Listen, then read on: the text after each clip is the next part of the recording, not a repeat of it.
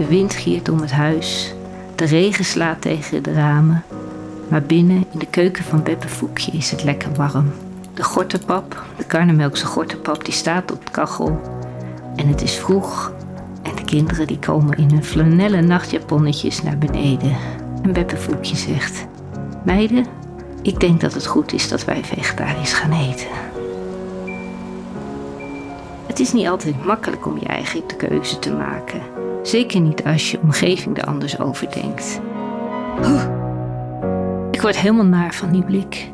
Het lijkt wel of hij dwars door me heen kijkt en gewoon niet gelooft wat ik zeg. Het liefst zou ik mijn tas grijpen en naar de deur rennen.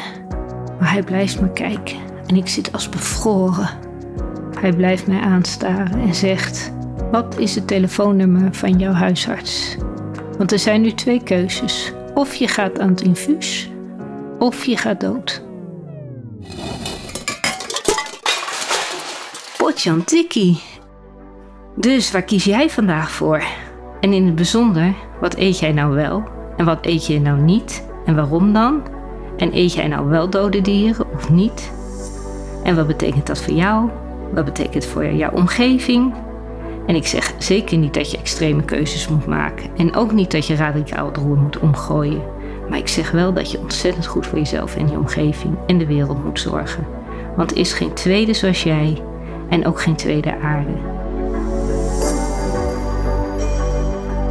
Dus dit en meer over 100 jaar vegetarisch eten kun je vanaf woensdag 24 november 2021 luisteren.